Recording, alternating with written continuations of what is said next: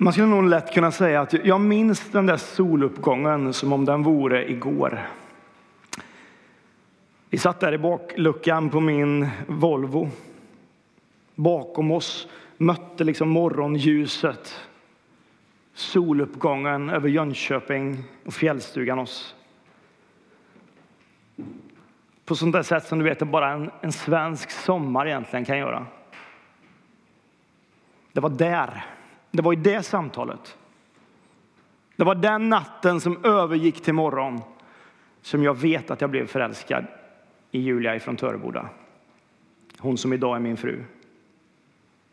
Jag tror vi alla har de där samtalen. De där dialogerna, de där mötena som på olika sätt kommit att prägla hela våra liv. Vi kan gå tillbaka i minnet och återminnas att det har hänt.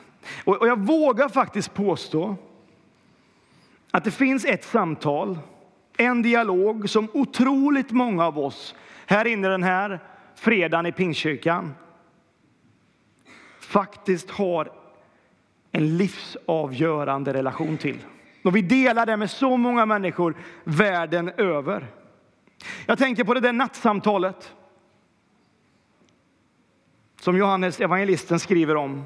När Jesus blir uppsökt av en man som har mycket makt som heter Nikodemos. Och han kommer till Jesus om natten för han vill inte bli upptäckt. Och han kommer till Jesus med frågor. Och den 16 versen brukar vi kalla för lilla bibeln därför att det är liksom påskens budskap paketerat i 26 ord. Ty så älskade Gud världen att han gav den sin, sin enda son för att var och en som tror på honom inte ska gå under utan ha ett evigt liv. Eller hur? Men, men vad säger Jesus i vers 14 och 15? Alltså om vi skulle göra någon slags eh, lite test nu. Hur många skulle kunna räcka upp handen och säga hand upp? Jag är helt säker på vad Jesus säger i vers 14 och 15. Ska vi göra det? Nej, vi gör inte det. Det är inget test det handlar om, eller hur? Men titta här. Det här säger Jesus. Liksom Mose hängde upp ormen i öknen, så måste Människosonen upphöjas för att var och en som tror på honom ska ha evigt liv. Så låt mig den här långfredagen få säga någonting om en orm av koppar och en Gud av kärlek. Jag vill att vi står upp tillsammans inför Guds ord som ska läsas ifrån Gamla testamentet, ifrån fjärde Mosebok av Siv här. Fjärde Mosebok, det 21 kapitlet, vers 4 till och med vers 9. Ta fram den gula micken här till Siv. De bröt upp från berget Hor i riktning mot Sävhavet för att gå vägen runt om Edom. Under vandringen blev folket otåligt och klandrade både Gud och Mose. Varför har ni fört oss ut ur Egypten för att dö i öknen? Här finns inget att äta och dricka. Vi är utleda på den usla maten. Då skickade Herren ormar mot folket, giftormar som bet israeliterna så att många av dem dog. Folket kom till Mose och sa Vi syndade när vi klandrade Herren och dig. Be till Herren att han tar bort ormarna från oss. Mose bad för folket och Herren sa till Mose Gör en orm och sätt upp den som ett fälttecken. Var och en som blir biten ska se på den, så får han leva. Och Mose gjorde en orm av koppar och satte upp den som ett fälttecken. Den som blev biten av en orm såg på kopparormen och då fick han leva. Amen. Jesus Kristus, tack att vi får stå inför ditt ord den här förmiddagen. Vi får stå inför ditt kors. Och vi ber nu, Herre, att ditt ord skulle öppnas upp för våra hjärtan genom din heliga Ande. Finns det något som på något sätt skymmer sikten just nu, Herre, ta bort det.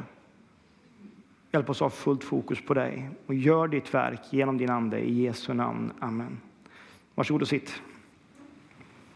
Tack så mycket Siv för utmärkt läsning.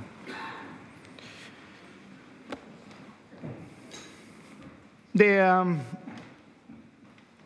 det är Jesu egna ord som leder oss tillbaka i historien den här långfredagen. Till berättelsen genom tider och rum som för all gång varit utgångspunkten för den judiska påsken, för befrielsen, Pesach.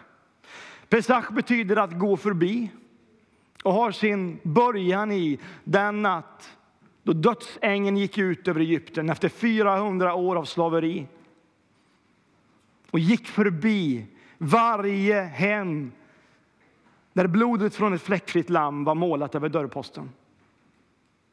Så att judarna kunde lämna sitt slaveri.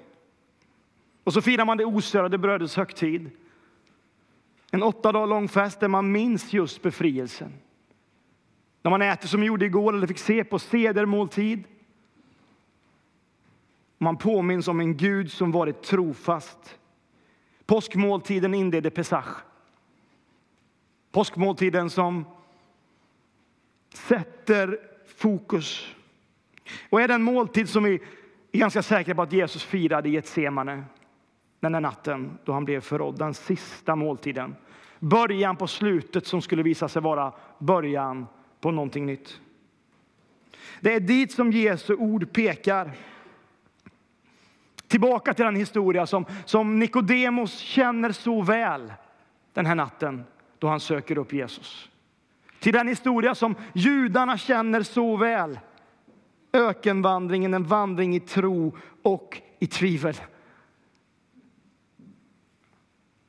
Händelsen i Fjärde Mosebok kapitel 21 föranleds av folkets tvivel, av folkets otålighet och av folkets frustration över en Gud som inte alltid gör som man själv vill eller tänker. Man är trötta på vandringen. Man är trött på öken. Och man är trött på usel mat. Så uttrycker man det. De har blivit befriade efter 400 år av slaveri. Men de verkar fullständigt ha glömt bort det. Och istället så är det liksom som att de, de längtar tillbaka till tiden före det att de blev befriade. Det är som att de vill tillbaks. Och en liten parentes bara. Det kunde ju hända då. Och det kan ju hända idag. Att du och jag också känner precis på samma sätt, gör precis på samma sätt. Vad då? Jo, men att vi tappar bort frälsningen. Att vi börjar längta tillbaks, glorifiera det som var innan. Innan vi mötte Jesus. För vi tänkte ju att allting skulle vara en sån rak vandring och nu är det tröttsamt, nu är det öken, nu är det usel mat. Och så längtar vi tillbaks till tiden innan vi blir befriade. Men vet du, snart är marken täckt av ormar. Ormar med gift i sin tunga som biter med gift som dödar. Och då sköljer liksom insikten över folket en gång till. Misstron ledde till livsfarliga attacker. Alltså när, när vi liksom tappar blicken. När, när fokus hamnar mer på oss själva än på den Gud som befriat oss som vet vårt bästa, då är ormen framme. Han är framme blixtsnabbt och, och boom. Boom, boom, boom. Judaskyssen. Vad var det som hände? Vad var det som hände i Juda liv? Det som hände var att ormen fick bita honom. Han flyttade fokus från Gud till sig själv. Han längtade tillbaks Han ville ha sitt eget rike istället för Guds. Hur kunde han förråda mästaren själv? Har ju du tänkt. Och jag med. Och så gör vi samma sak med våra judaskyssar. Vi låter ormen, vi tillåter ormen att hugga oss. Och boom, boom, boom så är det gift i våra liv. För några år sedan skrev Karl-Henrik Jacklund, som vi känner till väl här i Pingstkyrkan i Tibro, en bok med titeln Jesus gick vidare och kyrkan stod kvar. Jag har inte pratat med Karl-Henrik om det här, men, men kanske kommer snart en uppföljare av honom, eller av mig, med titeln Kyrkan gick vidare, men synden blev kvar. Vet du, jag tror det finns en risk att det som hände förr, när vi ibland gjorde saker med felaktiga motiv och placerade det i en katalog som vi kallade för syndakatalogen och som skadade oss och som ledde till uteslutningar och annat och som vi ska med all rätt be om förlåtelse för. Istället för att liksom se det goda i det som var där och då så tar vi bort allting och så kastar vi ut det och så gick vi vidare, men vet du en sak? Synden blev kvar. Synden blev kvar. Synden är kvar. The greatest lie the devil ever pulled was convincing a whole world he doesn't exist. Den största och bästa lögnen djävulen någonsin drog var att övertyga en hel värld om att han inte existerar. Och det är när pingstkyrkor, ekumeniakyrkor och svenska kyrkor inte längre predikar om syndens giftbett. Inte längre bjuder in till mässor och predikar om nåd utan att tala om att det är sanningen som befriar och nåden som vi får när vi bekänner vår synd. Du vet när, när långfredagen nästan blir liksom ett skutt. Vi bara skuttar bort till påskdagen. När det händer, då skrattar djävulen högst av alla. För nåden blir billig och blasé och sångerna blir bara nostalgi. Vi lyssnar på dem och vi tänker ett urgammalt kors, men vad är det vi sjunger? Vad är det vi ser på? Vad är det vi möts av den här fredagen? Vad gör det med oss? När vi lägger fokus på hur det låter, hur det ser ut, hur jag är. När det är han det handlar om. Och jag pratar inte om dig, jag pratar om mig själv nu. Jag är precis likadan jag också. Men du, lyft blicken. Lyft blicken. Mitt i vår viktigaste berättelse finns en orm av koppar och en Gud av kärlek. Mose bad för folket. Och Herren sa till Mose, gör en orm och sätt upp den som ett fälttecken. Var och en som blir biten ska se upp på den, så får han leva. Vägen tillbaka för Israels folk, hur såg den ut? Var det ännu en lag de skulle lära sig att följa? Var det ännu en religiös ceremoni med invecklad liturgi och böner att lära sig utan till? Nej, nej, nej! Lyssna nu. Se upp på ormen, så får du leva. Alltså en lyftblick mot en höjd orm av koppar. Det var räddningen, där och då, för judarna i öknen. Det var, det var så enkelt och självklart att jag tror att det provocerade något oerhört. Det blev nästan svårt av just den anledningen. Det var liksom ingen egen prestation att peka på och säga liksom, men titta här vad jag har lärt mig utan till eller titta vad jag har offrat, eller titta vad jag kan, titta vad jag är duktig. Nej. Ingen lag som man kunde liksom visa upp att check. Ja, men jag vet precis vad det står i Johannes evangeliet 3, vers 14 och 15. Jag kan räcka upp min hand inför pastorn och säga det högt.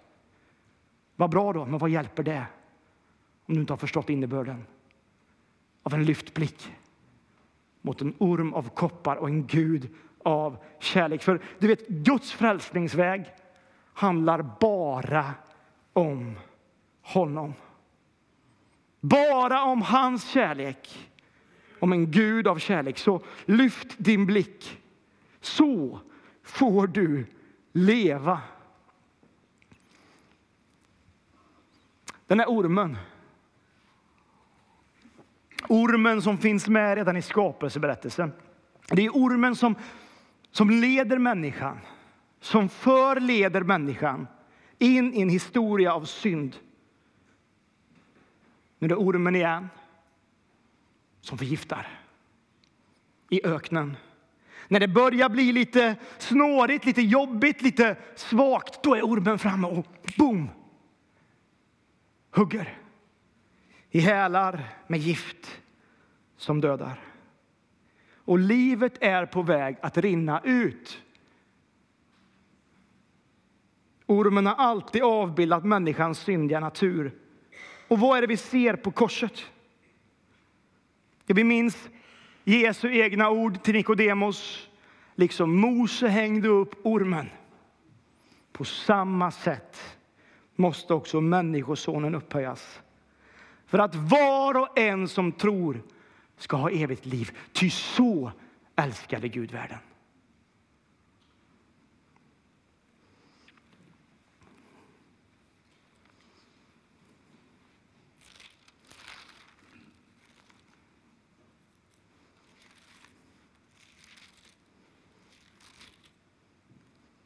Vid den sjätte timman föll ett mörker över hela jorden och varade till den nionde timman.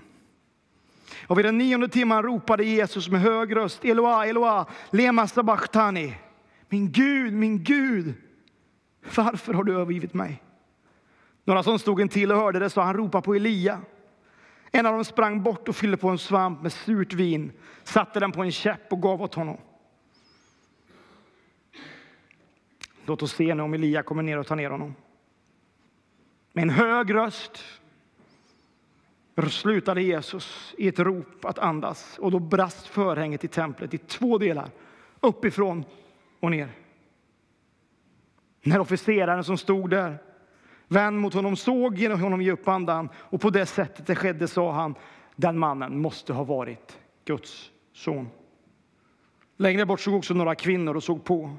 Bland dem var Maria från Magdala och den Maria som var Jakob den yngres och Joses mor och Salome. De hade följt honom och tjänat honom när han var i Galileen och där var många andra kvinnor, de som hade gått med honom upp, upp till Jerusalem. Du vet, på korset. På korset tar inte bara Jesu Barabbas plats.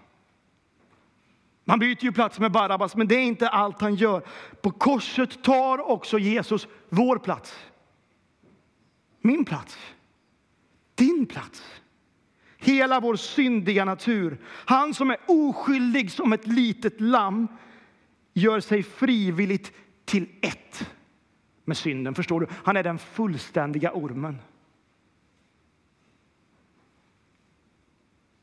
Och dödens makt är bruten. I Andra Korinthierbrevet 5 och 21 skriver Paulus, han som inte ens visste vad synd var, honom gjorde Gud till ett med synden. För att var och en som genom honom tror skulle bli rättfärdig. Det var bara genom att dö vår död som Jesus kunde ge oss det liv som är hans genom Fadern. Det var bara så han kunde ge oss evigt liv. Alltså han levde det fullständiga liv som vi aldrig kunde leva, som judarna aldrig kunde leva, som ingen av oss skulle kunna leva, som inte Adam ens i några rader kunde leva. Och han dog den död som vi egentligen förtjänar att dö. Det där är ju mitt kors och ditt och vårt och våra grannars och min morfars. Det är vårt kors. Det är vi som egentligen förtjänar att hänga där. Allt vårt mörker, all vår skuld, all vår synd. Jesus har gjort allt. Priset är betalt. Han lossat mig från syndens band. Han gjort mig vit som snö. Därför räknas vi som rättfärdiga i Guds ögon. Rättfärdiga, vad är det? Det är att vara färdig i rätten. Det är klart. Det är färdigt. Det är betalt. Det är fullständigt över. Det är utrett. Och allt som återstår för oss nu då, vad är det? Ett. Inget mer än att tro. Ja, men hur mycket tro handlar det om egentligen? Eller som när jag satt med någon här i Tibro för ett tag sedan och pratade så sa han, ja jag tror ju alltså, men jag tror inte lika mycket som du tror. Hur mycket tror du då? Ja, jag, jag, jag, men tror du att Jesus är Guds son? Ja. Tror du att han dog och uppstod? Ja. Tror du att han uppstod för dina synder? Ja. Men då tror vi lika mycket du och jag. Ja, men du är ju pastor. Ja, men det är ju en annan sak. Hur mycket kan man tro egentligen? Ett. Så mycket så att vi tror. Två.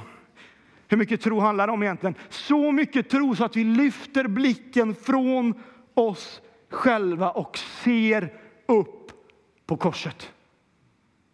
Det är vad det handlar om. Så svårt, så enkelt. Så enkelt och så svårt. Jag noterar i texten att Johannes nämner några kvinnor som finns där nedanför korset. En av dem är Maria från Magdala, hon som har blivit befriad av Jesus. Hon hade sju demoner i sig. Hon har blivit befriad. Hon har gått med Jesus genom Galileen och nu står hon där. Hon är en av dem, vadå? Som ser upp på korset där Jesus hänger. Och lite senare skriver Markus att det är Maria från Magdala, vadå? Som går till graven.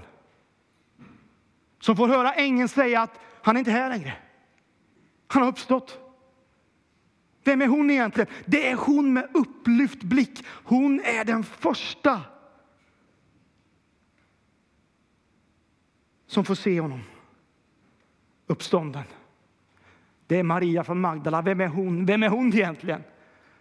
Hon är den som lyfter blicken från sig själv och ser upp på Golgata kors och ser att korset är tomt. Det var att han som hängde där, han är verkligen Guds son.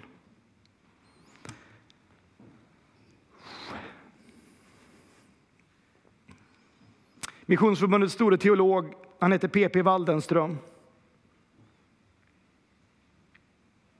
Och för Waldenström handlade Jesu korsdöd mer än någonting annat om Guds stora kärlek till oss människor. Det var det som skilde honom åt från Rosenius.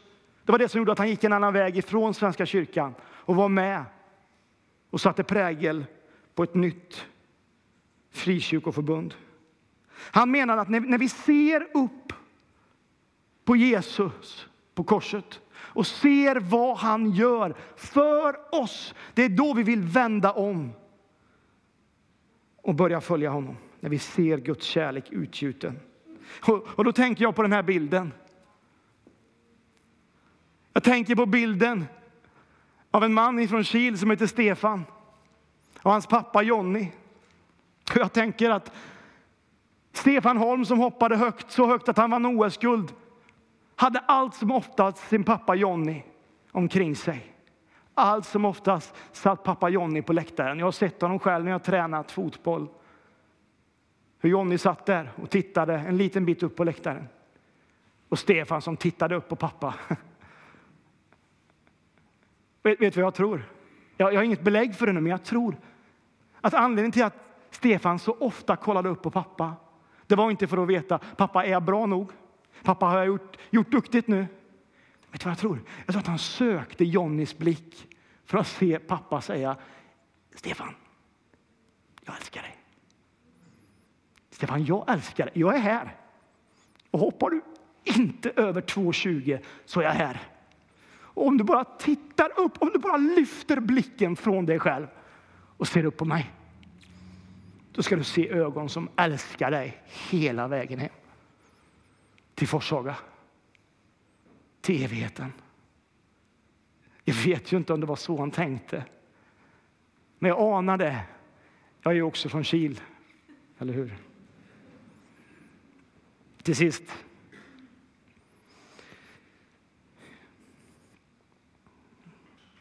–2013 var ett tungt år för mig. Det inleddes på värsta sätt. När jag fick gå upp till Centralsjukhuset i Karlstad. Upp till onkologen där min kompis Johan låg. En bit över 30. Underbar, underbar människa som hade följt mig genom livet. Som plötsligt fick en hjärntumör. Som plötsligt fick se livet rinna iväg. Som plötsligt blev äten fullständigt av kortison. Och jag vet att jag, jag stod där i hissen upp liksom till onkologen och tänkte, jag är ju pastor. Men vad ska jag säga till Johan? Han har ju ingen bekännande tro. Hur kan jag hålla mitt livs bästa predikan för Johan? Hur kan jag hjälpa honom hela vägen till ett avslut, till ett avstamp mot någonting nytt? Jag stod där med min bibel och tänkte och funderade. Jag tänkte, vad är, vad är Johans enda botemedel? Samma botemedel som finns för mig och för dig. Det finns bara en enda väg. Det är en upplyft blick mot Golgata kors. Och när jag satt där vid hans säng så tänkte jag på en av dem. Det var det enda jag kunde tänka på. En av de sju meningar som vi får höra Jesus säga genom de fyra evangelierna när han hänger på korset. Det var den enda mening jag kunde komma fram till när jag låg där bredvid honom i sängen på onkologen. Det var den här versen ifrån Lukas evangeliet kapitel 23.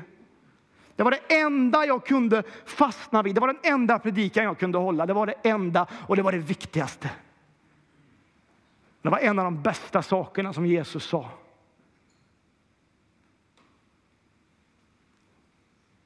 Sannerligen. Redan idag ska du vara med mig i paradiset. Inget dop, ingen medlemsintagning, ingen vad har jag gjort i livet, hur mycket har jag nått upp till. Jag kunde säga till Johan, vet du en sak, det finns en berättelse. Jag vet inte om du har hört den förut. Får jag läsa den för dig? Det handlar om Jesus när han är på väg att dö. Och det hänger en rövare bredvid honom och de pratar. Och så säger han, du vet Jesus, jag förtjänar detta, men det gör inte du. Sannerligen, redan idag ska du vara med mig i paradiset. Vi bad aldrig någon frälsningsbön, jag och Johan, där vi satt på sängen. Men jag minns så tydligt hur han tog min hand och så sa han, Jonas, be en bön för mig.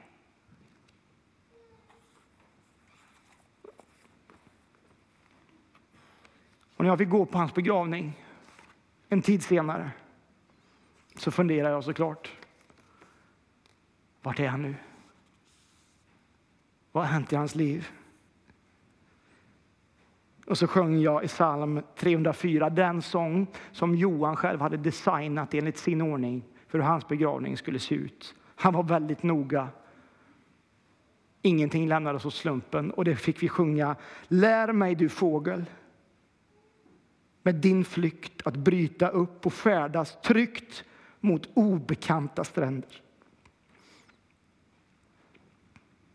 När allt är vinter här och is jag mot ett evigt paradis min blick och längtan vänder.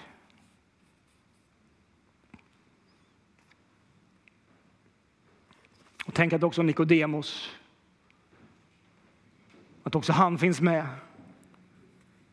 Han som initierade världshistoriens kanske viktigaste samtal. Han finns också med vid Jesu död, skriver evangelisten Johannes. En upplyft blick i tro. Där i ligger frälsningens väg. Låt oss be.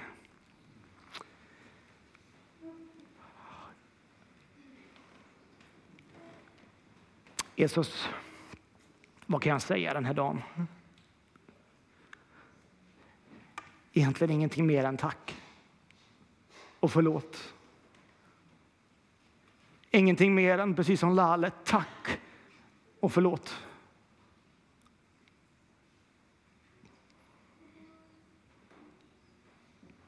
Jag vill sjunga här att enda jag vet är att nåden räcker. Att ditt blod, min synd, min skuld betäcker. Det är det enda jag har att lita på en gång. Din nåd. din gränslösa nåd. Och Herre, vi är här ett folk idag. Från olika platser med olika berättelser, olika vägar, olika vinklar, Herre. Med olika tankar, olika känslor, Herre. Men en sak är sant, ditt ord är sant. Och den här långfredagen har vi fästa blicken på ditt kors. Och Jesus, nu ber jag att du gör ditt verk i oss. Att du med din heliga ande skalpell skär genom oss. Befriar oss från det som binder oss. Och låter oss få lyfta blicken från oss själva upp på ditt kors. Och se och tro och gå i tro. I Jesu namn. Amen.